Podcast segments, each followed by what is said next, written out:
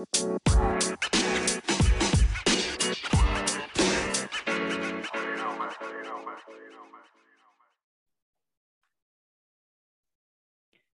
og velkommen til nok en episode av Jordbrukspodden. Vi er så heldige med oss heldige å fått med oss en gjest i dag òg. Lene Westgård Halle fra Høyre. Du Lene, for dem som ikke kjenner det så eh, godt, kan du ikke si litt om den, eh, hvem du er og den rolla du har som eh, og og prøver å representere, og litt, litt sånn om det sjøl, så folk blir litt Ja. kjent med det? Ja, gjerne det. Em, Jeg eh, er opprinnelig fra Drammen, em, men så møtte jeg en odelsgutt for mange år siden. Så vi tok over eh, gården for 15 år siden, og den ligger i, ja, nede ved Stavern i Larvik, på et sted som heter Halle. Der er etternavnet Halle. Em, så akkurat nå så har vi forpakta bort, men vi dreiv sjøl de første åra, da. Så på gården nede hos oss så har vi Eh, veldig mye jordbær. Det er jo, For de lytterne som ikke vet det, så er de beste jordbærene i Norge de kommer fra Brunlandet til Larvik. Um, og Det er veldig deilig å ikke få noen som motsier meg på det. Så, så da vet man det. så har vi eh, korn og skog, og så et sånn steinbrudd med Larvik-Hit, da, som er Norges nasjonalstein. Så, det, og så sitter jeg da på Stortinget for Høyre. Um, sitter i næringskomiteen, så det er der vi har ansvar for landbruk. Og så er jeg så heldig å få lov til å være Høyres landbrukspolitiske talsmann, eller talsperson, heter det vel nå. Mm. Og så er jeg mamma til en fireåring som ikke er i barnehage om dagen. For det er streik. Eh, og så er eh, du er jo Grunnen til at vi har invitert deg, det er jo det du er jo landbrukspolitisk talsperson for eh, Høyre. Og eh, vi er jo litt nysgjerrig på eh, hvilke tanker er det Høyre har rundt hvilke tanker og ønsker er det man har rundt norsk jordbruk? Og hva er liksom Høyres eh, politikk i forhold til norsk eh, jordbruk? Kan du si litt Mm. grann om det partiprogrammet dere har på jordbruk, og dine meninger og partiets eh, meninger, hvordan dere Mm. ser det i deres ideelle verden, hvis dere hadde styrt landbrukspolitikken og Høyre hadde hatt flertall på Stortinget eh, alene? ja, ja, det er drømmen, det. Nei, um, altså jeg opplever jo at landbrukspolitikk er mye viktigere for folk i Høyre enn jeg tror kanskje inntrykket er eh, sånn der ute. Jeg reiser ganske mye rundt og er mye rundt på masse forskjellige gårdsbruk og har fått lov til å både ha sommerjobb hvor jeg mø- møkka i kufjøset og har vært, på, vært gjeter på fjella i Sogn og Fjordane og fått gjort masse spennende. Um, og jeg opplever et veldig sånn engasjement i Høyre for særlig norsk matproduksjon. Um, vi diskuterer det ganske mye. Uh, og det er jo ja, I forrige perioden så hadde vi et sånt landbruksnettverk hvor vi var en gjeng det var helt tilfeldig, men vi var bare damer, 14 damer, stortingsrepresentanter som jobba masse med, med landbrukspolitikk. Så jeg, jeg opplever litt at vi som kanskje tilhører det som sånn kjent og kjært er kalt bunadshøyre, har fått en litt sånn oppblomstring de siste åra. At det er eh, du ser det bare du kommer på landsmøtene våre. Jeg har jo bunader hele gjengen. Så det er jo veldig hyggelig. Så det har jo også ført til at vi diskuterer mye mer landbrukspolitikk enn vi har gjort tidligere. Og det som kanskje er i ferd med å skje, da, som jeg kan eh, da eh, siden det bare er oss her, dele med dere. Det som er i ferd med å skje i Høyre, er at, at vi er i ferd med å stake ut en litt sånn Kanskje en mer moderne landbrukspolitikk enn det som har vært knytta til Høyre tidligere. Jeg ser at det er masse diskusjoner rundt endringer i forbruksmønstre f.eks. For altså, hvordan skal norsk landbruk klare å møte de endringene som vi ser i forbruksmønsteret ut hos de som kjøper mat. Um, klima er, en, er et tema som vi diskuterer i veldig mye større grad knytta til landbruket. Teknologi. Um, jeg må innrømme jeg er sånn tech-nerd, så på gården hjemme hos oss er det sånn jeg kjører da elbil, selvfølgelig. For det er mye lettere å lade når du bor på bondegård enn når du bor i byen. Det er synd på de som bor i byen. Um, jeg kjører elbil inn på gården, så slår lysa seg på i huset, og så er det kobla sammen med garasjeporten, så den åpner seg, osv. Så, videre, og så, videre. så jeg, jeg liker sånn teknologi og sånn smart greier, da. Mannen min hater det. Han syns det er helt forferdelig. Han vil bare ha, han vil ha sjekk og lysbryter, han vil ikke ha sånne apper og sånn. Um, men vi snakker ganske mye om, om dette med teknologi i landbruket, da. For der skjer det jo fantastisk mye spennende, og der opplever jeg at det er ikke alle, men en stor del av landbruket sjøl er veldig på ballen. Vi har um, han som forpakter hos oss og som driver jordbær hos oss, er en av de veldig foroverlent, moderne fyr som tester ut nye teknologier, tester ut nye metoder, dyrker ulike fangvekster. Altså, det er veldig, jeg syns det er veldig gøy å se, og det opplever jeg at smitter litt over på politikken. og jeg skal ikke snakke for alle andre partier, men i hvert fall Høyre. Da, at vi snakker mye om den, den endringen som er i ferd med å skje i landbruket, um, ehm, sammenligna med hva vi har sett tidligere. Så er det jo det at, altså, for, for, det også opplever jeg litt sånn Folk som ikke er i landbruket, de har litt sånn bilder av hvordan landbruket er. At det liksom er veldig gammeldags, og at alle omtrent har hest uh, foran plogen. Og at det er liksom sånn som man drev for mange, mange tiår siden. Men um, jeg opplever at mange bønder allerede tester ut veldig mye av dette i dag. Og at det er mange som går foran i Norge. Og hvis ikke vi får til det i Norge, så tenker jeg litt sånn Hvilke andre land er det vi kan få til det? Så det, så ja, så vi, så det er kanskje, kanskje, ikke den typiske landbruksdebatten, men det snakker vi mye om i Høyre om dagen, da. Mm. Du snakker mye om teknologi. Vi har jo noen spennende som du er inne på, bl.a. NoFence, og så har vi jo Torvald og og en del andre sånn landbruksteknologiske ting som det er muligheter for et eksportmarked. Er vi dyktige nok på å sørge for eh, gode finansieringsordninger for dem? Og muligheten for at de kan vokse og investere, og at de har gode ordninger for å innhente risikokapital, så vi har faktisk muligheten til å lage noen eksportprodukter ut av norsk landbruksteknologi? Det er et veldig langt og et veldig godt spørsmål, og jeg skal gi deg et veldig utypisk politikersvar. Og det er nei. Punktum. Det har vi ikke. Vi har ikke gode nok ordninger. Men så skal jeg utdype det litt. Fordi akkurat agritech, eller eh, teknologi i landbruket, er en sånn, være sånn hjertebarn eller kjepphest, eller hva du vil kalle det for meg. Um, og vi har ikke det. Og potensialet er så voldsomt der, da. Og det er veldig gøy det de har fått til med Thorvald. Og det er veldig gøy med Nofence, og det er veldig gøy med Seven Sense. Og det skjer masse, masse spennende i landbruk på dette. Um, og så er vi jeg opplever at vi er ganske innovative. altså Vi er flinke til å finne opp og, og, og lage liksom sånn i startfasen. Men den skaleringsbiten, der er vi ikke så gode. Så akkurat den biten der, der mangler vi. Og eksportpotensialet er helt enormt.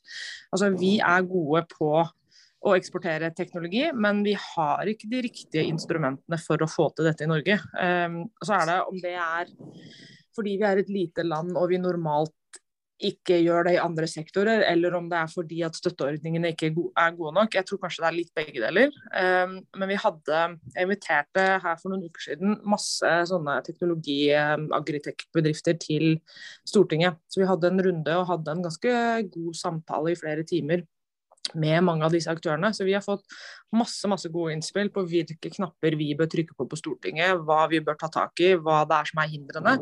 Um, og Der opplever jeg at bransjen er ganske samstemt på at det er den, den biten hvor du har lykkes med produktet ditt, du har, liksom, har starta, du har kommet gått de første skrittene, du ser at dette funker. Og så er det ok, hvordan skal du skalere det opp. Fordi Norge er jo et lite marked. ikke sant? For Vi kan jo si da at ja, vi skal drive med masse agritek, kjempefint. Men vi får ikke det til med mindre vi eksporterer. For så mange bønder er vi ikke i Norge. At det lønner seg å holde på bare i Norge. Så du må, du må gjøre det større, da. Um, og der har vi fått masse innspill, bl.a. på at eh, virkemiddelapparatet er nødt, nødt til å justeres på en sånn måte at det faktisk treffer litt bedre. Eh, at kompetansen ute, da, f.eks. i Innovasjon Norge, eh, bør være bedre på hva vi faktisk har av Agritech i Norge. og og at det er liksom en naturlig del å snakke om på disse utekontorene. Um, hvordan skal du klare å skalere opp når du ikke klarer å innhente kapital? Altså, kan vi skru virkemiddelapparatet på en måte som gjør at det, det treffer bedre? Så, så det var det lange, den lange oppfølgingen av det korte nei, det er ikke bra nok. Um, og det er, det er, en av de tingene jeg veldig gjerne vil gjøre noe med da, i denne perioden her. Og der, der opplever jeg egentlig at det er ganske sånn tverrpolitisk enighet. Så jeg litt optimistisk på det feltet. Da. Tror vi kan få til ting. fordi akkurat det med teknologi i landbruket er det kanskje lettere å diskutere. For det ikke liksom, trenger ikke å liksom trykkes inn i jordbruksoppgjøret. Vi kan gjøre det på utsida, og da er det litt lettere å diskutere det enn en bare ja eller nei til jordbruksoppgjøret. Mm, mm. Du snakker jo litt om her, det som de kaller et distriktshøyre eller bunadshøyre, eller kall det hva du vil. Altså Til alle partier har du jo ulike fraksjoner uavhengig av eh, ståsted og bakgrunn osv. Eh, når du sier at det er en litt dreining og mer interesse innad i Høyre for det her med matproduksjon og, og landbrukspolitikk, eh, er det Hva jeg skal si? Kan du si litt mer om, om det at man f.eks.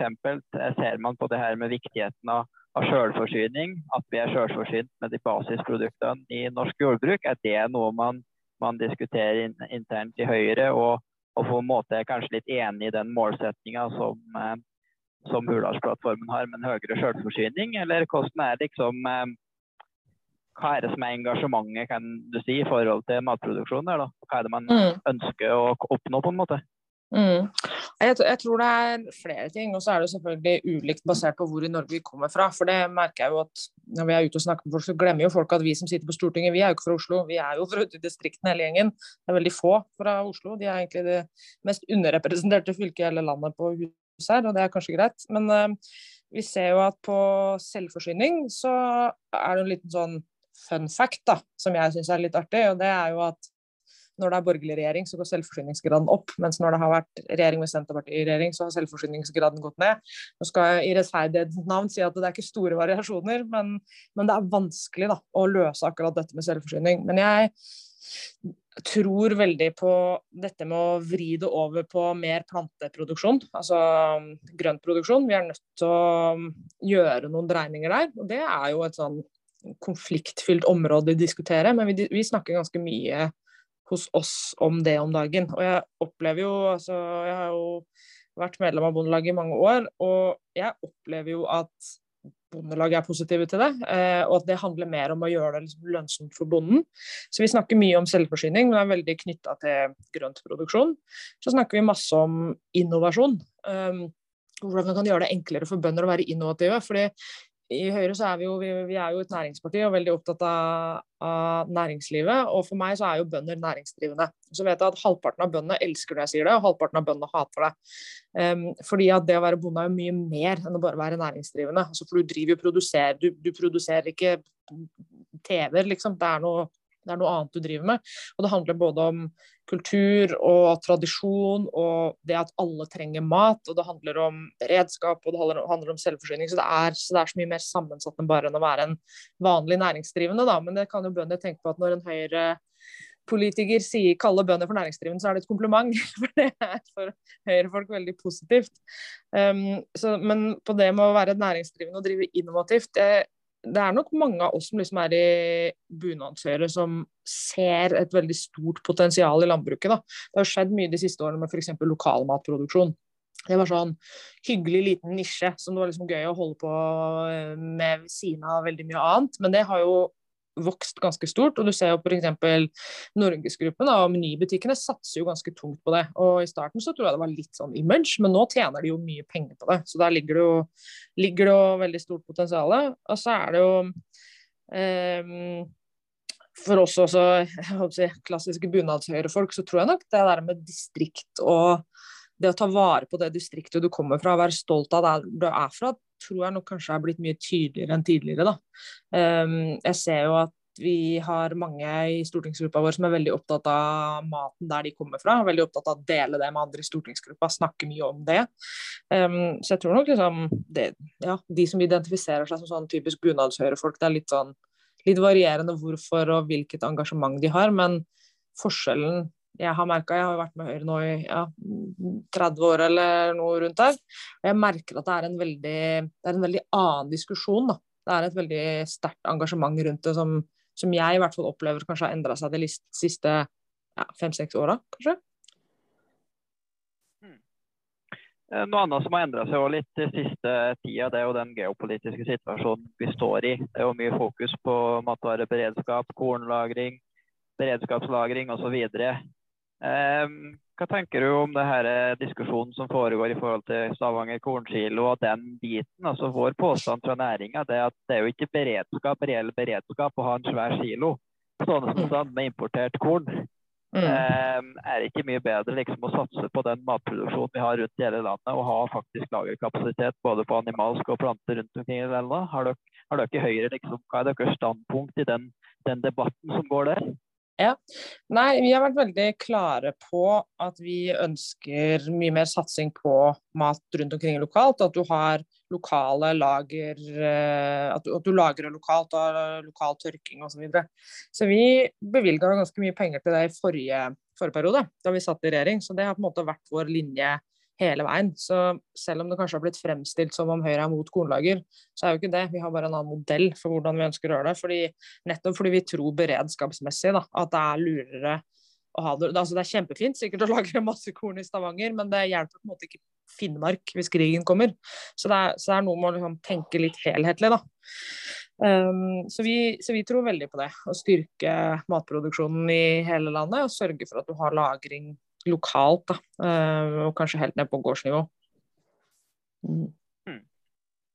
Eh, så er det jo sånn at Høyre er jo et næringsparti.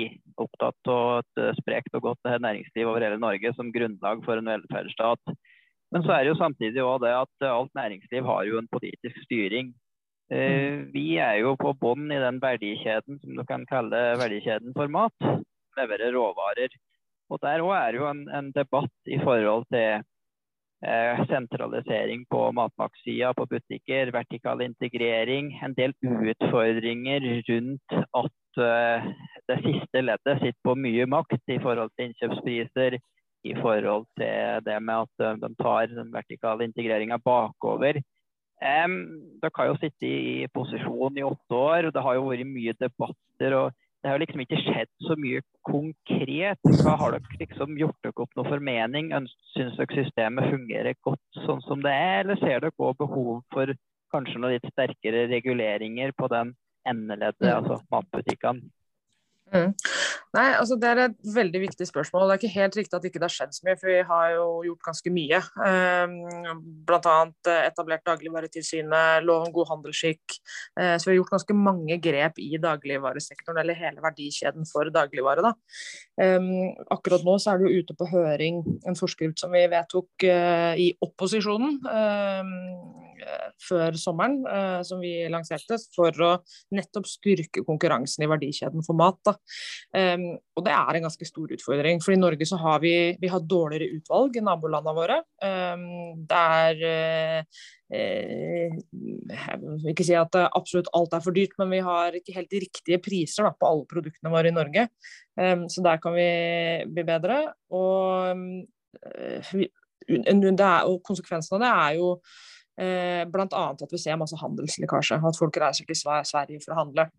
Men så er de utfordringene der ganske sammensatt. Det er ikke sånn at man kan si at det er den ene tingen i verdikjeden for dagligvarer som er utfordringen, for det er mange ting. Um, en ting som vi er veldig bekymra over på Stortinget, og det er helt tverrpolitisk, det er den konsentrasjonen av makt i nettopp siste leddet, da, altså dagligvarebransjen. For der har vi jo bare tre aktører.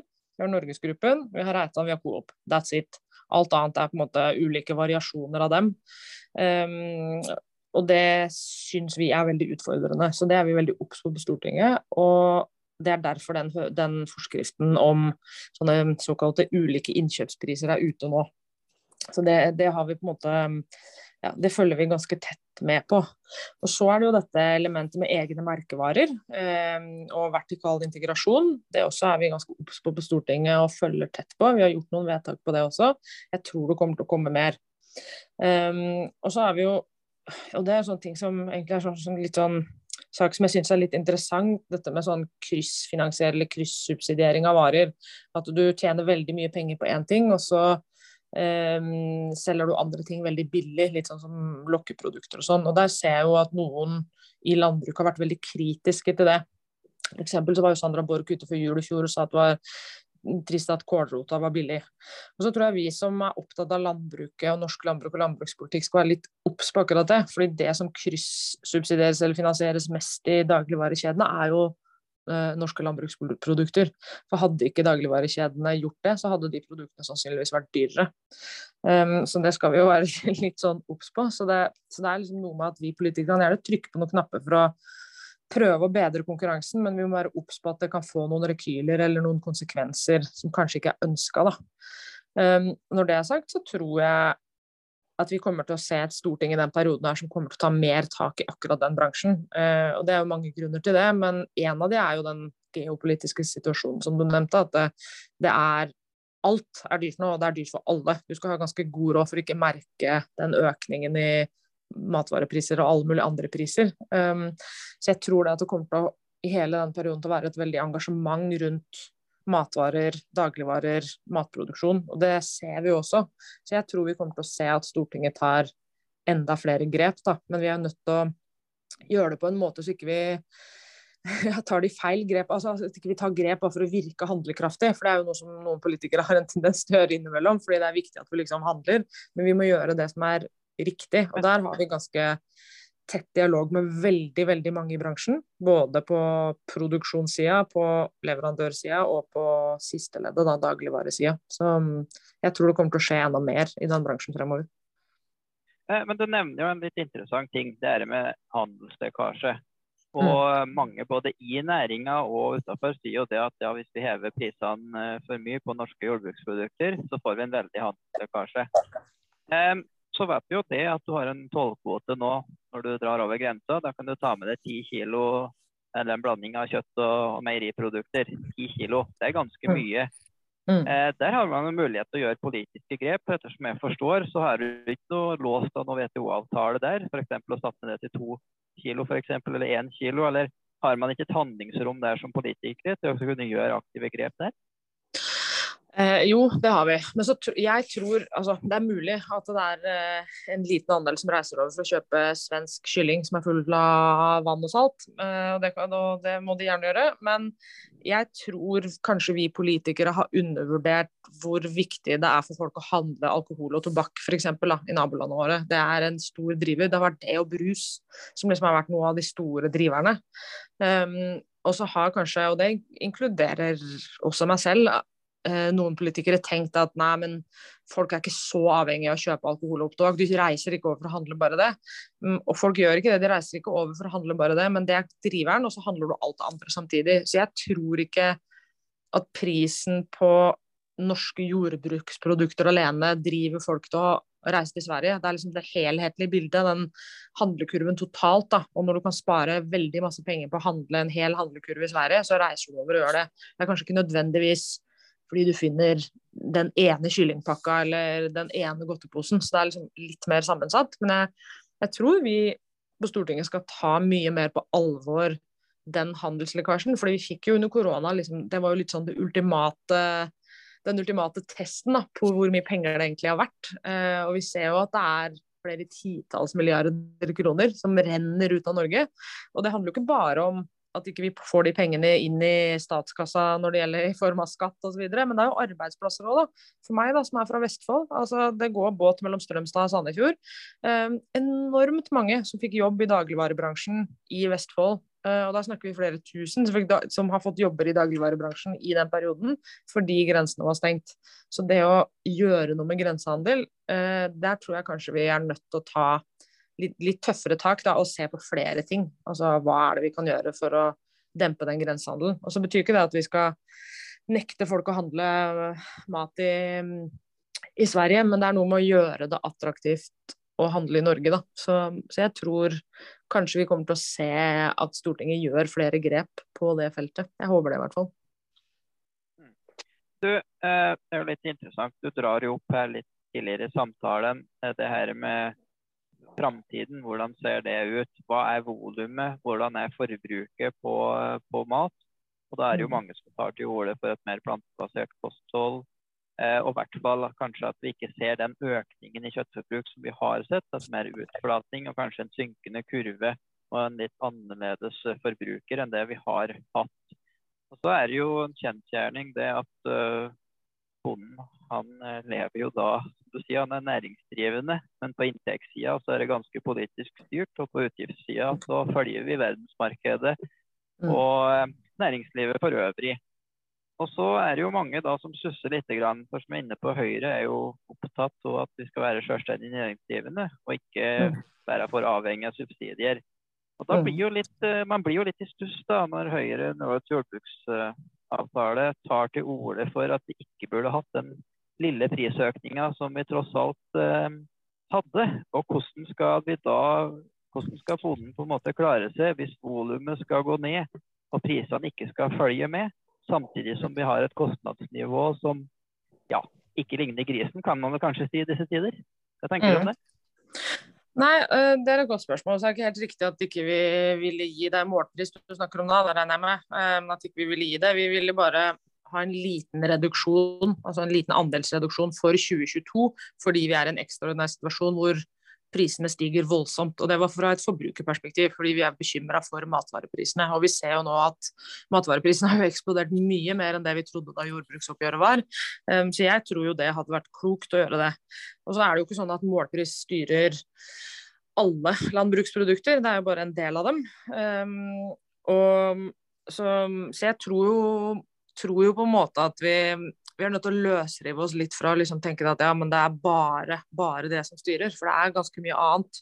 Og så tror jeg det at vi skal gjøre det mer lønnsomt å gå over fra kjøttproduksjon til planteproduksjon. Jeg vet at det er litt motstand i bransjen mot det, men jeg opplever samtidig at mange altså Du er jo opptatt av å drive gården din på en god måte og drive lønnsomt. Og så er det noen steder hvor det er enkelt å gjøre det, og andre steder hvor det ikke er enkelt å gjøre det. Og det må vi ta høyde for når vi lager det, som du sa, veldig politisk styrte, den veldig politisk styrte jordbrukspolitikken. Men jeg tror vi fremover kommer til å se en veldig annerledes forbruker. Vi kommer til å, og vi ser det jo allerede. Uh, og det handler ikke om at folk skal bli, flest skal bli vegetarianere, for det, det verken kan alle eller vil alle. Um, men vi ser jo allerede nå at yngre folk, som er mye yngre enn meg, de velger jo plantebasert uten å være vegetarianere. Vi ser at plante... Altså jeg møtte i går, så møtte jeg to gründere som har lagd noe som heter Mer enn, hvor de bruker Eh, gulrøtter fra Vestfold, selvfølgelig. Sånne veldig krokete gulrøtter fra Lågendalen, eh, som vanligvis ikke brukes i matte, eller som ikke selges. Bruker de når de skal lage bakst. Så de baker brød med det som fort vekk kunne ha blitt matsvinn. Da. Og jeg tror at vi kommer til å se forbrukere som velger mye mer sånt fremover. Og som kommer til å være mye mer bevisst på det. Jeg tror vi bare ser starten. Og det er, det er jo norsk landbruk nødt til å være rigga for. Um, så jeg tror jo vi bør kanskje vri um, noen av subsidiene over på å gjøre det enda mer lønnsomt. Sånn at uh, det blir mer interessant, og at landbruket faktisk møter det behovet og den etterspørselen før det kommer. Da. For jeg tror det kommer til å vokse ganske mye. Men nå, nå, har jeg vært stille veldig lenge her, så nå har jeg lyst til å koble meg på litt. Eh, det er jo altså For meg og Ola sin del og vår gang, så kan jo vi produsere akkurat hva storsamfunnet måtte ønske.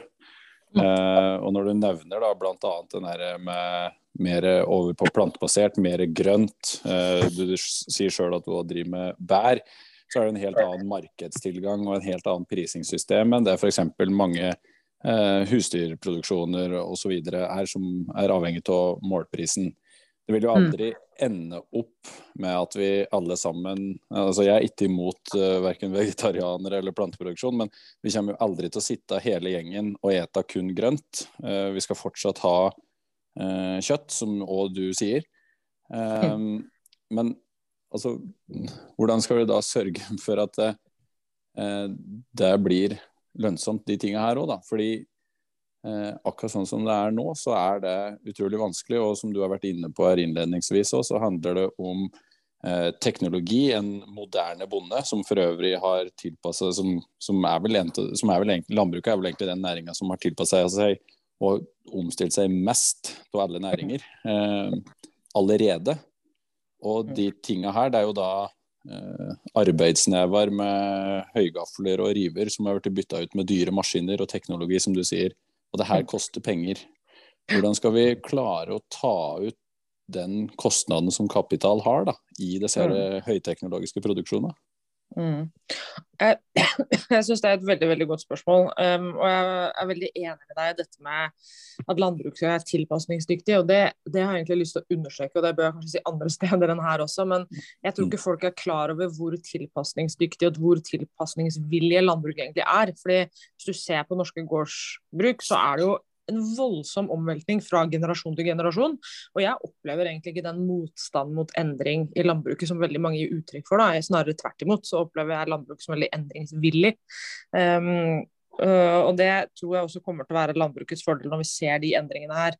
Altså, til spørsmålet ditt om hvordan gjøre det lønnsomt. Um, det er jo ganske utfordrende. Uh, både fordi at vi har den type finansiering og den innretningen vi har på landbrukspolitikken i, i, Norge, og fordi at mm. Norge ser ut sånn som det gjør. Man kan ikke, altså Det er fint for meg som bor i Vestfold og driver med jordbær, det går fint det, men det er mm. ikke like greit alle andre steder i Norge. og Det er, det er vi politikere på, på, huset her på Stortinget nødt til å ta inn over oss, da, at det alltid må, må, være annerledes. Så tror jeg mm. en ting som jeg er litt, det, det er litt sånn prematurt å komme med noen ferdig modell for det, men jeg har litt lyst til å se litt mer på investeringssida. Da. Fordi investeringsbelastningene på landbruket i Norge er så enorme.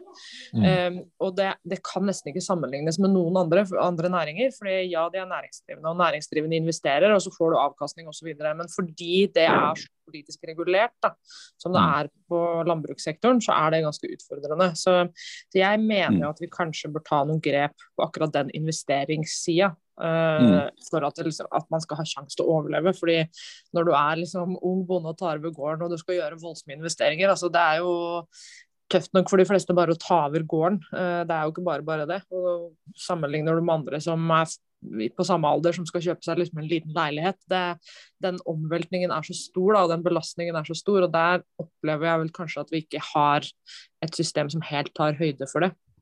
Men mener du da, i det du sier nå, at vi Mener du at vi overinvesterer, eller at vi skal nærme oss litt mer eh, høygaffelen og rive av? At vi skal hva, hva, er det du sier? Hva er det du egentlig mener? Nei, altså Så konservativ er jeg ikke. nei. Det er hyggelig om sommeren å stå og holde på sånn. Nei, mm. um, nei jeg syns ikke, ikke, vi overinvesterer, men jeg tror vi må være mer forberedt på å kanskje lage ordninger som gjør at bonden klarer å investere. da.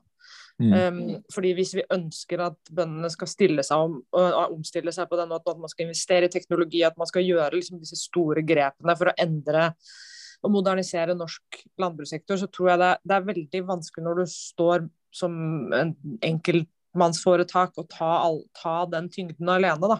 Når mm. det er så politisk gjennomregulert. Driver du en annen næring, så er det mye mm. lettere å, å gjøre tunge investeringer, fordi du kan regne på avkastning på en helt annen måte enn du kan når du er bonde, fordi det er regulert. Så jeg mener mm. vel kanskje at vi bør, hvis vi ønsker da, å stille om landbruket, se på innretningene som finansierer, eller hvordan, hvordan vi kan avlaste bønder som er, trenger å finansiere eller investere tungt for å klare det skiftet. Mm. Jeg, jeg synes jeg har jo tatt veldig til orde for å se på andre næringer som da er eh, sterkt regulert, og vært inne på det med nettselskaper. Og mm. slik som jeg tolker det nå, og, og, og skjønner uh, som representant for Høyre, så er jo Høyre et parti som uh, selvfølgelig anerkjenner at kapital har en kostnad. Det er jo det som er mm. med og skaper, skaper noe her. Ja. Uh, og, og, den kapitalen er i aller høyeste grad til stede i, i landbruket. Mm. Og nettselskapet er jo på en måte en sånn kritisk infrastruktur på lik linje med matproduksjon. Mm. Og de har jo da innretta seg sånn at Uh, som du sier, da, han, eh, kaka der er egentlig ikke stor nok hvis du skal kun hente inn uh, avkastninga di via uh, abonnenter. Mm. Sånn at der, jo, der, har du jo en modell som allerede er vedtatt på Stortinget, mm. og som egentlig ganske enkelt kan uh, trekkes paralleller til, da, til landbruket. Er det mm. noe i er det, Jeg sier ikke at du skal bruke NVE-modellen, men er det noe i den retningen du tenker? At vi skal ha en form for eh, hva som er normering av investeringer på et bruk, og at du har på en måte et mulighetsrom hvis du forholder deg innenfor de rammen her? Mm. Ja, jeg mener i hvert fall at vi skal se på den type modeller. Um, mm. Om det skal være akkurat sånn, eller om vi skal gjøre det på et annet Nei. vis, så mener jeg at det er, det er, ganske tydelig, og det har jo kommet ganske sterkt til uttrykk også de siste par årene. Den, mm. den investeringsbelastningen er så voldsom um, at jeg mener vi trenger, vi trenger å tenke nytt da, uh, rundt akkurat det. Så, så det er noen av de tingene som jeg kommer til å løfte inn i Høyre når vi skal diskutere landbrukspolitikken nå fremover. Jeg må, jeg må, bare påpeke det, at det er eh, får nesten sånn gåsehud på ryggen når du sier det. for jeg, det, jeg har ikke hørt noen uttale det før, men det er så veldig godt å få en sånn type anerkjennelse på de tingene. Og så sier det ingenting om hva slags resultat vi havner ut med, men bare det å få en sånn tydelig anerkjennelse på akkurat det, det, det, det er mm. veldig godt å høre. Ja, det er bra. Hjelp hjelper når jeg har hjelp på gården sjøl, sikkert. Ja, ja, ja. Absolutt. Det er en ting som jeg stusser litt på i det her debatten når man snakker om uh, matvarepriser og man snakker om inflasjon. Og du snakker jo om at i den situasjonen man var i, så, så er det krevende å ta ut uh, råvarepriser i markedet for oss bønder. Men altså når du ser på statistikken, altså når du bruker like mye på, på, på reising som du bruker på mat, når du bruker eh, mye mindre på mat enn det vi har gjort noensinne. Altså gjennom hele norgeshistorien vår. Og mm. du tenker i et klimaperspektiv. Eh, landbruket skal jo levere på klima. Og så vet vi det at nordmenn konsumerer nest mest i hele Europa. Det er vel bare Luxembourg som er mer luksusdyr enn oss. Mm. Eh, er du enig i min påstand at det er litt rart at vi i landbruket, som ligger på en eh, på en inntekt en tredjedel under samfunnet for øvrig, skal liksom være klimasynderen her. Det er ikke noe litt merkelig med at vi ikke også kan være med på den velstandsutviklingen som har vært, å faktisk ta ut en pris på produktene våre som tilsvarer det det tilvirkningskostnaden. Altså mm. hvis maten er så billig at du kaster en fjerdedel av det, er maten egentlig dyr da, eller er den for billig? Hvis du mm. da kjøper en bil hvert fjerde år, og så kaster du den gamle bilen fordi mm. den, bilen er, den er, så billig. Altså, henger ikke det her litt i hop? Jeg, jeg tror, altså det, det, er veldig viktig det du spør om der. og det er en sånn ting som eh, Der skal jeg si noe som kanskje ikke er så populært blant lytterne, eh, men jeg er litt sånn ufiltrert politiker, så jeg liker å være litt uh, direkte og litt ærlig. Jeg tror vi som er i landbruket må slutte å si det der ja, men vi har så billig mat i Norge. Ja, men forbrukerne bruker så lite på mat, de må kunne betale litt mer. Og i gamle dager så brukte vi veldig mye mer på mat. Det hører jeg hele tida. Det er mange landbruk som sier, og det er sånn mantra som gjentas. Jeg mener vi må slutte å si det. Og grunnen til det er følgende da maten var så dyr som den var for ja, særlig to generasjoner siden, og de brukte en enorm andel av budsjettet sitt på mat, så var det andre ting i det husholdningsbudsjettet som var veldig mye billigere enn det der i dag. De kjøpte ikke hus til den prisen vi kjøper i dag. Altså Det å leve i dag er veldig dyrt. Så jeg tror det å trekke ut liksom ett enkeltelement i en families budsjett og si at ja, men dette var veldig mye dyrere før, så det må du bare tåle, det tror jeg ikke er lurt. Jeg tror ikke det tjener landbruket heller. Så jeg tror vi må slutte å si det. Vi må ha respekt for at det er, det er, dyrt å leve i dag. Det er veldig mange ting som koster veldig mye mer. Og det å bo i dag f.eks. er vanvittig mye dyrere enn det var for to generasjoner siden. Um, så, så, det er litt sånn svaret på det. Når det gjelder den klimadelen, så er jeg veldig, veldig enig. Der mener jeg at vi kaster altfor mye mat. Uh, vi er altfor lite bevisste på hvordan ting gjøres. Men jeg tror ikke liksom, løsningen er at nei, hvis maten er dyr, så kommer vi ikke til å gjøre det. Det kommer sikkert til å påvirke noe, men jeg tror vi kan gjøre veld, veldig mange andre grep. da. Um, F.eks. sånn som det selskapet jeg nevnte i sted, som er nystarta, det er Mer enn, som bruker uh, gulrøtter som kunne fort ha blitt matsvinn. At vi er mye mer bevisst på hvordan vi, nei, hva vi kjøper, hvordan vi lagrer det, mat vi lager. Altså, så, så, jeg tror det er veldig mange andre ting vi kan gjøre. Og så er jo matsvinnet ja, vi har stor andel matsvinn hos forbrukerne, men det er jo enda verre hos butikkene. Og der har de jo tatt grep for å dempe eh, nettopp matsvinnen. Vi har dette med too good to go, f.eks. Altså, det skjer mange ting der. Så jeg tror det liksom er en riktigere vei å gjøre det enn å bare si at nei, vi må ha dyrere mat, for da kaster du mindre. Um, for jeg tror vi liksom at eh, vi må bare innse at vi lever i en annen verden i dag enn man gjorde på 50-tallet. Da. Og da hadde man jo også en historie med seg som var litt annerledes. Så du hadde helt andre matvaner og andre matvarer, for så vidt. Eh, når det gjelder det der med at eh, landbruket er klimasynderen er også, Jeg er jo sånn klimahippie. Jeg er jo veldig, litt over gjennomsnittlig opptatt av klima og miljø. Um, jeg mener jo at vi som er i landbruket, kan gå foran. Altså vi har vi, vi lever jo av jorda, vi lever jo av naturen. Er det noen som skal gå foran på når det gjelder å gjøre klimatiltak og redde, redde naturen, så er det jo oss. Altså Inntekten vår er jo helt avhengig av det. Og jeg ser jo bare på gården hjemme hos oss. altså det har jo eh, svigerbestefar, bestefar, som har drevet i mange mange år, har en ganske god oversikt over når vi pleide å ha våronn, og når det pleide å være høsting, og liksom rutinene for alt. Han har en bok hvor han har notert ned alt. Det er enorme endringer. Altså været hos oss, og når våronna starter hos oss, det er jo endra seg med en måned bare mens han har bodd på gården. I snitt. Da. Så, det er jo, så det er så store endringer. Så jeg mener at alle som er i landbruket, må liksom slutte med den derre Hvorfor skal vi liksom være de som går foran? Det er sånn, det er, vi skal gå foran. Vi må gå mye mer altså Oljebransjen vi skal jo ikke gå foran. Det er vi som skal gå foran. Så jeg, så jeg tror på en måte at vi må ta på oss ledertrøya litt der. da, Og gjøre, være offensive på dette med klima.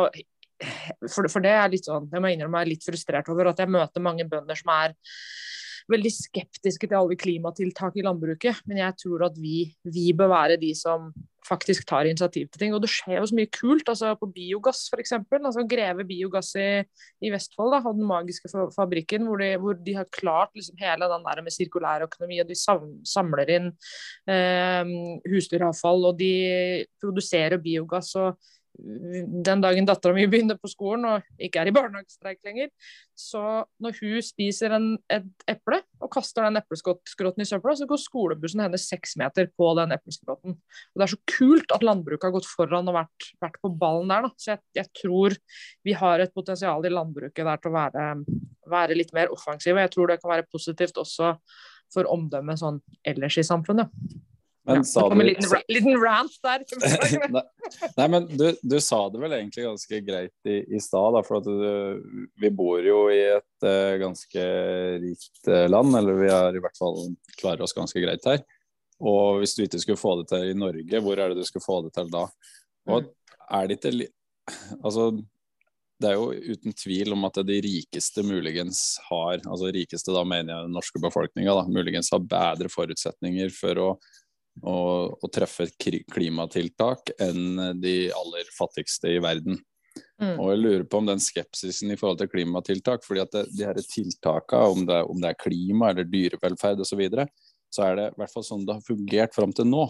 Så er det ofte mm. et krav, altså et offentlig pålegg, som mm. skal omsettes i praksis uten at det tilføres noen nye midler. Og mm jeg tror det at det, det, som folk kjenner på, er at det, det her, hvis, hvis, du ber meg gjøre det her, så, så, så blir det enda mindre til uh, meg og min mm. familie. Og du vet jo veldig godt at det her handler jo ikke om enkeltpersoner, uh, hardbarka businessfolk. Dette her er jo uh, mødre og fedre med forsørgeransvar for en mm. familie, gjerne.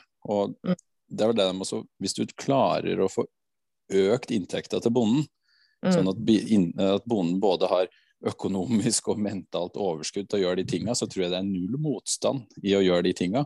Jeg har elbil sjøl, jeg, og, og, er enig med deg på de tinga der. Men, men henger ikke det her litt i sammen? Jo, det gjør det helt klart. For det å, å drive et, et gårdsbruk da, er jo veldig annerledes enn å drive f.eks. en stor bedrift og du finansierer ting på en helt annen måte. Og sånn, og det går som du sier, rett på inntekten. Så, det, så det, er, det, er, annerledes enn mange andre bedrifter. Men det er jo samtidig ikke sånn at når vi stiller krav til andre bedrifter, så er det ikke automatisk at det øker lønnsomheten deres helt med en gang, for å si det sånn. Så jeg tror nok vi møter litt den samme tankegangen hos andre som driver bedrift og som ikke er landbruk.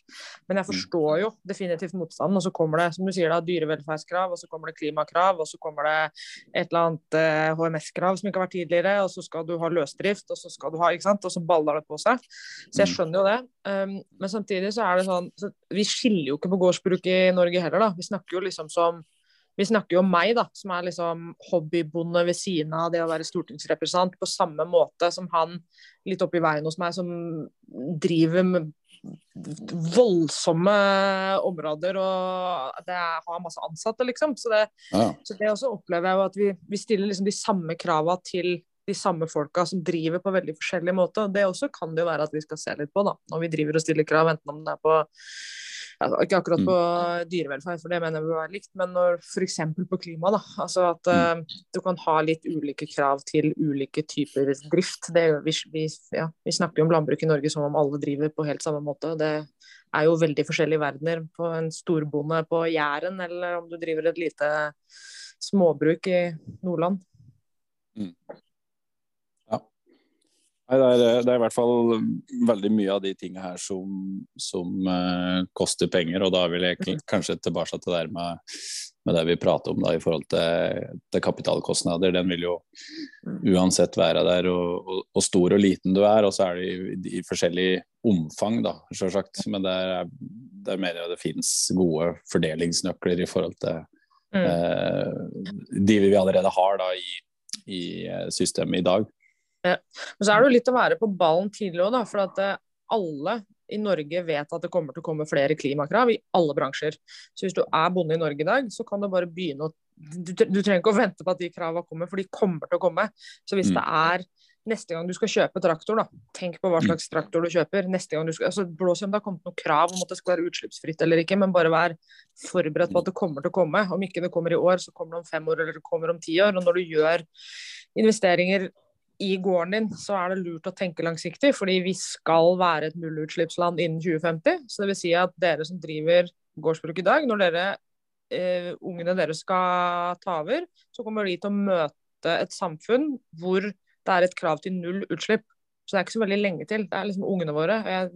Så, vi må gjøre de investeringene i dag uansett. Da. Så jeg tror det er veldig lurt at vi kanskje at vi er litt offensive og er litt på ballen. Og så er det noe med å at landbruket kanskje kan være tydelig overfor oss politikere på ja, men hva er det vi trenger da, for å få det til. For der er, opplever jeg kanskje at andre næringer er flinkere. At vi altså, Istedenfor at alt skal fokusere på, fokuseres på liksom, diskusjon om målpris eller andre ting i jordbruksoppgjøret, at man, at man er tydelig på ok, men hva, hvilke grep kan vi gjøre som kan være positive da, på Stortinget. At man er liksom ja, kommer med litt uh, ideer og innspill til til oss på huset her på, på mm. utsida av de liksom klassiske diskusjonene. For jeg tror, mm. litt som jeg sa innledningsvis, at landbruk i Norge kommer til å endre seg. Det kommer til å komme politiske krav. Så da må vi liksom ha en dialog om ok, hvordan kan vi gjøre det best mulig og mest mulig lønnsomt. da.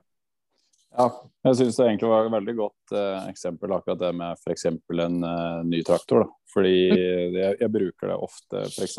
hvis du ser på, hvis du ser på dieselbiler da, og for så vidt da traktorer så mm. kom det jo plutselig at du skulle ha sånn AdBlue-tank for, mm. for, å få renere avgass. Mm. Eh, jeg har sterke tvil til at eh, disse produsenter av både Mercedes og Volkswagen og Case og Fent og, og alle de merkene her har tapt store marginer på at de måtte tilføre en ekstra tank og et ekstra system på sine produkter på grunn til å være mer klimavennlig. Jeg er ganske sikker på at mye av det her tas jo da ut i markedet uh, for å dekke inn den, eh, den, kostnaden. fordi at det der er jo en vilje fra storsamfunnet. For det kan ikke være sånn at uh, storsamfunnet sitter i sofaen og krever at alt det de får uh, skal koste like mye, det skal bare være mer klimavennlig. Mm. Og, og, da er det jo dessverre sånn at jeg havner jo fort tilbake i det der prissystemet i, i landbruket. At det, mm. enten så må det jo da Den der kaka den må jo bli noe større. Og, en, og det, sånn som det er nå, så er det enten med overføringer eller pris. Mm. Og da tenker jeg at vi må ta et standpunkt til det. Og hvis det ikke er noe vilje til å gjøre det, så må en jo da enten konkludere med at storsamfunnet ønsker ikke å være mer klimavennlig, men det høres, høres ut og jeg tror og jeg er enig med deg at det kommer til å komme òg. Mm. Og da må vi synliggjøre den kostnaden. Mm. Og, og, og, det må det på en måte være en aksept for, da. Mm. Eh, at det koster faktisk litt mer, hvis jeg skal være litt mer klimavennlig. Ja, Nei, men Det er jeg helt enig i. og Vi har jo utrolig gode ordninger for andre sektorer. altså Vi har jo Enova som gir tilskudd til eh, både denne og andre. Så skjønner jeg at regjeringens løsning for at det skal være Bionova, uten at det har blitt putta noe særlig penger i det foreløpig. Um, men jeg tror jo at når man skal gjøre store klimainvesteringer i landbruket, så bør det være som på alle andre steder at du får den investeringsstøtten. fordi hvis storsamfunnet eller politikerne eller hva du vil definere det som, kommer med de kravene, så må man jo ha en eller annen måte, i hvert fall i starten, da, og få mm. hjelp til å gjøre det. Altså Vi som forbrukere får jo hjelp i form av redusert moms på elbilene våre. Så alle kjøper elbiler. Um, vi bruker masse masse penger på kollektivtrafikk for å kutte derfra. Um, vi har gitt støtteordninger til ja, den, den lista er veldig veldig lang for å få alle mulige bransjer til å bli grønnere. Og da mm. mener jeg jo at vi må gjøre det i landbruket òg. For det kan ikke være sånn at vi gir masse støtte til en hel haug med næringer, og så skal landbruket klare det sjøl. Um, mm. Så må jo definitivt få støtte til å gjøre de tingene. og få, mm. Enten man får redusert moms når man investerer, eller om man har tilskuddsordninger. altså På alle biogassanleggene så har det jo vært det. det er jo Foreløpig så er det mm. vel ingen av dem blir jeg vel sikkert arrestert hvis jeg sier noe feil, men det er vel ingen av de som går rundt på egen kjøl foreløpig. Mm. Eh, fordi Enova har vært inne og gitt ganske voldsom støtte. da, Og det må man mm. jo også gjøre på landbrukssida. Helt åpenbart. Og så er jeg med min finansbakgrunn da, veldig opptatt av at det, det er ikke kun det å senke den initielle investeringa som på en måte skaper lønnsomheten. Fordi at den kostnaden som du sitter igjen med, da, om det her er, si det er 20 støtte, da, så sitter du fortsatt igjen med fire femdeler av en investering som du må forsvare over tid. Og da må jo den kontantstrømmen da, som, som produktene dine genererer, den må jo da eh, gjøre at denne investeringa går i null. Mm. Eh, eller, så må, altså, eller, så må, vi på en måte være enige om at nei, det her er faktisk du som får dårligere råd. Eh, ja. så, så, og det er den, den markedsmekanismen der da, som du på en måte ikke har i alle produksjoner, som, mm. som jeg er litt opptatt av. Og, og den, eh, der er det noen og, og, som må putte inn noe mer for at vi skal kunne gjøre de tinga der. og bare sånn som Løsdriftskravet estimerte en eller annen plass mellom 15 og 25 milliarder. Mm. Ingen tvil om at alle ønsker at eh, storsamfunnet ønsker at kua skal gå i løsdrift. Mm. Eh, men det er faktisk 25, eller, si, si, det er 15 milliarder da, mm. for mm. ei næring eh, som da ikke skal generere noe mer. Mm. og da hjelper det ikke med 33 øre på målpris på, på en liter mjølk. Nei, Nei det, er et, det, er et, veldig godt poeng, det, og vi er nødt til å se det i sammenheng. Og så må jeg jo innrømme at jeg syns det er ganske vanskelig da, når vi har altså, Jordbruksoppgjøret i seg selv er jo ja, det er, jo verdt en mastergrad egentlig for å skjønne det sånn skikkelig ordentlig. Fordi Utfordringen er jo at liksom, hvis du trykker på én knapp, så skjer det noe annet et eller annet sted. Og det er så intrikat og det er så vanskelig å gjøre justeringer. For jeg opplever i dialogen med mange i landbruket, da, ja, men hva om vi gjør dette, hva om vi gjør dette, så mm. er, så er liksom alltid svaret at nei, for da er konsekvensen dette som er negativt. Så svaret er liksom alltid bare mer penger. Um, og det, det, kommer ikke til å altså det, Vi kommer ikke til å få det til. Så da er jo liksom spørsmålet ok, hvilke grep kan vi gjøre da? Og det, jeg må innrømme at jeg syns det, det er ganske vanskelig. da, At jeg opplever at det ikke er så mye handlingsrom når vi diskuterer jordbruksoppgjøret. Det er liksom bare enten mer overføringer eller øke målprisen, punktum. Og så er man ikke villig til å diskutere noe annet. Um, så jeg setter jo veldig pris på de som For jeg får jo en del henvendelser fra landbruket. De som tar seg tid til å komme med, komme med innspill da, på hvordan vi kan gjøre det og sånn. Så jeg er veldig, veldig åpen for forslag til løsninger for, på hvordan vi kan gjøre det på en god måte og gjøre det mer lønnsomt i landbruket. Da. Og kanskje tenke litt litt utafor boksen. Um, sånn at vi ikke alltid bare er låst til å gjøre sånn som ting alltid har blitt gjort. Um, jeg, må, jeg, har hatt en sånn, fordi jeg er litt uh, nerd, så har jeg hatt en sånn runde med noen kollegaer i andre land som jobber med landbrukspolitikk, um, for å diskutere litt hvordan systemene er innrettet i andre, andre, land. fordi i min naivitet så tenkte jeg at uh, der har vi sikkert uh, ting vi kan Jeg har bodd på New Zealand, da, så jeg skal ikke nevne dem. Jeg skal ha lovt, uh, lovt det. Men jeg har snakket med andre land som har har litt lignende systemer som vi har i Norge, så jeg tenkte ok, er det noe som er overførbart? Men det jeg egentlig har funnet ut etter å ha hatt mange og lange samtaler med landbrukspolitikere i andre land, er at hvert enkelt land har utviklet sitt system over så lang tid, og med så mange enkeltforhandlinger og enkeltelementer, at det er nesten umulig å liksom trekke ut ting som, som vi kan bruke i Norge. Da. Um, fordi det er ikke overførbart, fordi historien er så komplisert og så intrikat. Og det er kanskje noe av det jeg syns er mest utfordrende med å jobbe med landbrukspolitikk. Da. At det er liksom ikke noe ja, det, det, er utfordrende å finne de gode løsningene som er gode både for forbrukerne og for, for bonden. Um, du sier jo litt innledningsvis at du er en litt straight shooter. og Det er vel kanskje kjent for å være litt òg. Og um, Nå er jeg spent. Helt ærlig Ja, nei altså, vi er jo veldig glad til å forholde oss til fakta og tall. Mm. Og jeg bruker ofte å si det at uh, Frp de har jo på en måte, Jeg er ikke enig i landbrukspolitikken deres, men den er relativt tydelig. Har i hvert fall vært. Da vet jeg hva jeg forholder til med. Da er det vel si at det er ikke liv laga for meg på min gård, egentlig. Jeg bør finne på noe annet. Mm. Og så er det sånn at eh, Nå har vi hatt en Grytten-rapport som stadfester at snittinntekten per årsverk, en fulltidsjobb, er 215 000. Mm. Det er mm. ca. en tredjedel av snittinntekta i samfunnet. Så vet mm. vi at det er en betydelig innsatt kapital som skal forventes per årsverk. Så den mm. reelle arbeidsvederlaget per årsverk er betydelig lavere enn det. Mm. Og da er poenget med dagens kake, som er en sum av de prisene vi får på produktene og tilskuddene, så har mm. vi råd til å finansiere ca. 10 000 bønder. Mm. og vi har en gjennomsnittskvote for melk på ca. 200 tonn. Mm. Eh, hvis da vi skal ha en tredjedel av melkeprodusentene, så kommer det opp på 600 tonn. Da må de kanskje ha en 800 000 mål jord. Altså det er en eh, produksjon som ikke stemmer med den topografien vi har i landet. Mm. Eh, jeg ønsker et litt sånn tydeligere svar. Det er kanskje vanskelig for det å si helt uh, tydelig, men ønsker på en måte Høyre å bevare noenlunde den bruksstrukturen vi har, og anerkjenne at for å få det til, så må faktisk den kaka tredoble seg hvis man skal ha arbeidsvederlag som bonde, som folk flest, og faktisk ha igjen litt avkastning på de pengene som er satt inn i produksjon for å faktisk skape seg et yrkesutkomme. Mm. Har du noen tanke? Altså, I dag er det 38 000 bønder. Hvis vi skal ha dagens kake, og du skal ha en avkastning på innsatt kapital arbeidsvederlag, så må vi re på rundt 10 000. Det vil, eh, det vil si at alle må tredoble produksjonen sin. Eh, Mm. Helt konkret, hva, hva tenker du om i forhold til at skal kaka bli større, og vi skal ha de bøndene vi har? Eller skal kaka være lik, og så må vi strukturrasjonalisere som bare det? Og sjøl om vi gjør det, så vil det kanskje være veldig vanskelig for de bøndene å klare seg på den eh, kaka, fordi det er innom det med topografi og sånn som gjør det vanskelig å ta ut de stordriftsfordelene som vi kunne gjøre i andre næringer. Den oppskaleringsmuligheten den har ikke vi. Vi får heller om stordriftsulemper. Mm.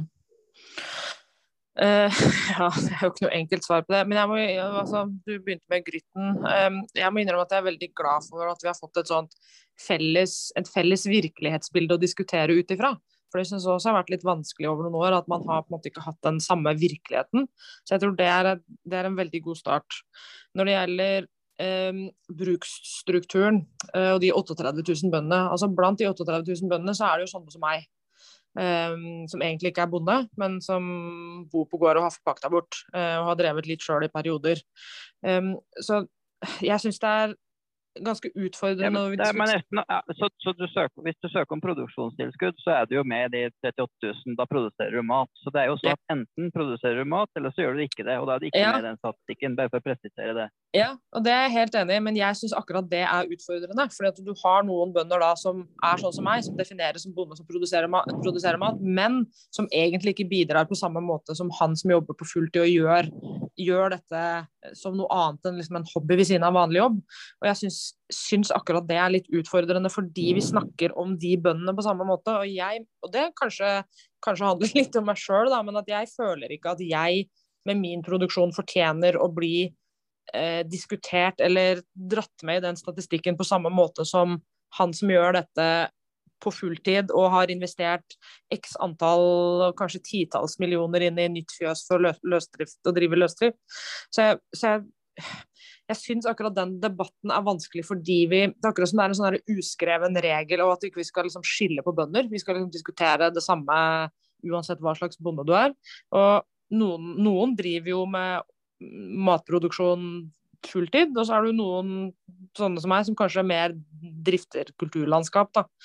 Um, så jeg syns vel at vi kanskje i fremtiden er nødt til å skille i større grad på det, på heltidsbønder og ikke heltidsbønder. Um, når det gjelder bruksstrukturen, uh, jeg er nok ikke helt enig med, med Frp at ja, er det ikke liv laga, så synd for deg, du får drive med noe annet. Fordi jeg mener at det er mer verdi i en gårdsbruk enn bare akkurat matproduksjon akkurat det enkeltstående året eller akkurat den enkeltstående perioden. Gården vår har jo vært i familien i 450 år, så det, så det, handler om mer enn bare akkurat den ene tingen.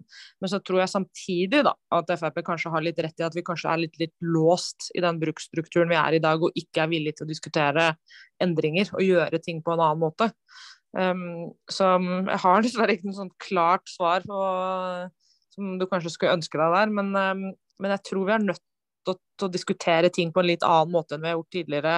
Kanskje ikke skyte ned de som tør å tenke veldig annerledes, da, eller som tør å tenke helt nytt. Um, og jeg er ikke en av de som kanskje er flinkest til å tenke helt nytt, men, um, men vi, det er som du sier, skal vi få ting til å funke, så går det ikke at vi gjør alt likt som vi gjør i dag. Og så er jo spørsmålet da er det å øke kaka, eller er det å si OK, det er ikke liv laga akkurat der hos deg. Så det, den diskusjonen står vi litt sånn midt oppi i Høyre akkurat nå.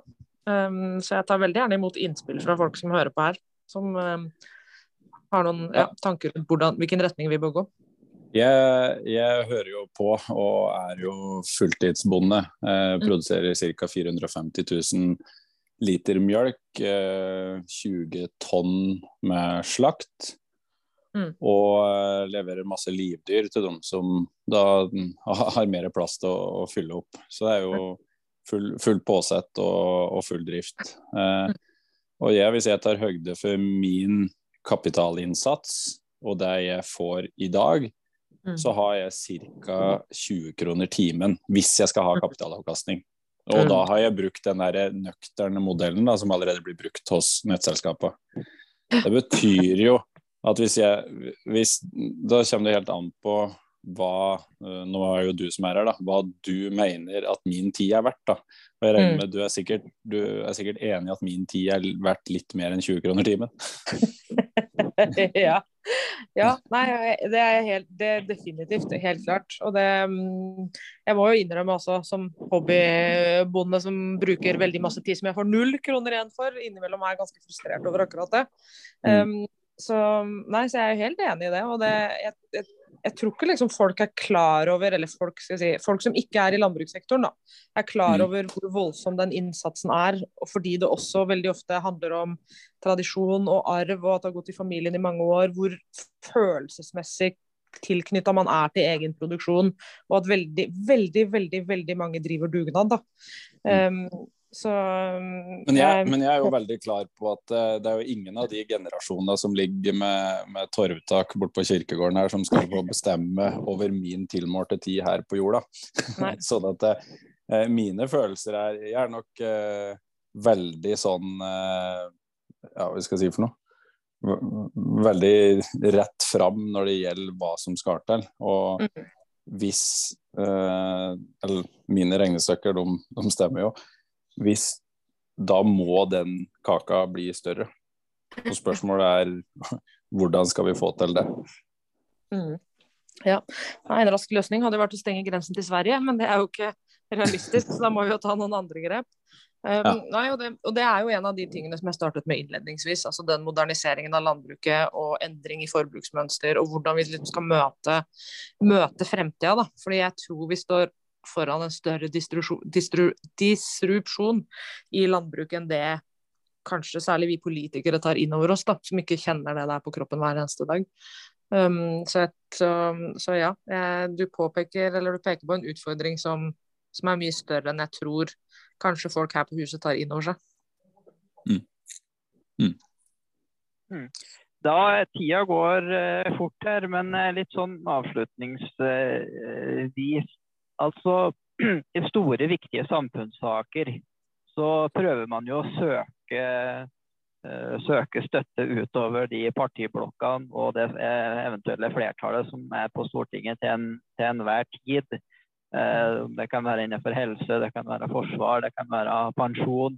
At man får stortingsforlik som liksom sett, du sett, tar på deg litt fremtidsbrillene og ser framover, og man blir enige om hvordan skal vi løse de samfunnsutfordringene.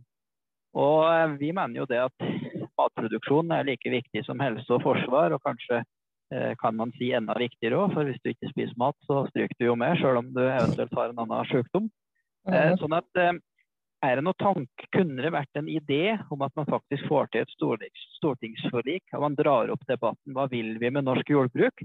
Hvor mm. kan vi møtes på midten hen mellom blokkene? Hvor kan vi stake ut en kurs som faktisk gjør det sånn at de som driver eh, landbruksproduksjon, faktisk har et utkomme som folk flest. For det, mm. eh, selv om man, uavhengig av hvilken blokk man sitter på, så må man vel være enig i at det er en ganske uholdbar situasjon som eh, norske gårdbrukere står i per dags dato. Og man er avhengig av langsiktig politikk, for jordbruk det er meget langsiktig. Og med tanke på den som vi var innom tidligere her, den geopolitiske situasjonen som er, med mer uro i verden, eh, så er det jo en utrolig viktig samfunnssak. Og politikere er jo egentlig innsatt for å gjøre noe mer enn de fire årene. Det handler jo om å stake ut kursen for, for samfunnet vårt. Og norsk landbruk er en viktig del av samfunnet. Hva tenker du om å, å på en måte hatt mer et lengre perspektiv, annet enn å krangle om jordbruksforhandlinger hvert år?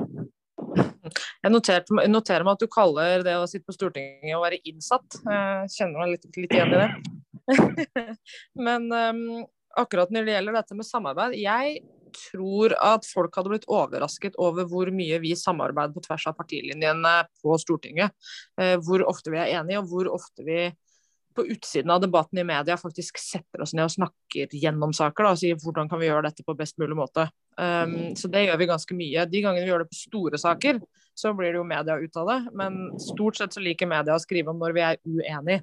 Så jeg tror det, det er sånn grunnleggende greie. Vi snakker veldig godt sammen på, på tvers av partiskillelinjene. Så jeg er egentlig litt optimistisk og tror at det kunne vært gjennomførbart. Da. Jeg tror det hadde vært vanskelig, jeg tror det hadde vært tøft. Jeg tror det potensielt kan ta lang tid. Men jeg, jeg tror ikke det er helt umulig. Så jeg syns det er en veldig god idé. Um, skal vi få det til, så tror jeg det er én viktig forutsetning, og det tror jeg kanskje er det aller aller vanskeligste for å få det til, det er at da må vi stokke om på jordbruksoppgjøret. Um, og jeg opplever ikke at landbruket er villig til det eller ønsker det. Uh, og så lenge det ligger fast, så kommer vi ikke til å klare å ha liksom, en tverrpolitisk la oss sette oss ned og gå gjennom hele systemet for å gjøre det, optimalisere det. Um, skal vi gjøre det, så må vi gjøre om på, på jordbruksoppgjøret. og det ja, jeg, jeg ikke, signalene jeg får fra landbruket, er, er, at det ikke er ønskelig. og Så lenge det er situasjonen, så tror jeg ikke det kommer til å skje. Men jeg tror politikerne på Stortinget Konkret mener du med stokke om? Altså, jeg tror, da, jeg tror da, da, må vi lage system på nytt, fra bånn. For ellers så kommer vi ikke til å få alle partier til å ville sette seg ned og si at ok, vi er nødt til å se på hvordan vi driver landbruk i Norge, hvordan vi driver matproduksjon. Det, det tror jeg alle partier på Stortinget kunne vært villige til, men da kan vi på en måte ikke ta utgangspunkt i jordbruksoppgjøret, for da er jo diskusjonen litt sånn ferdig fra før. Da blir det bare justeringer på eksisterende system.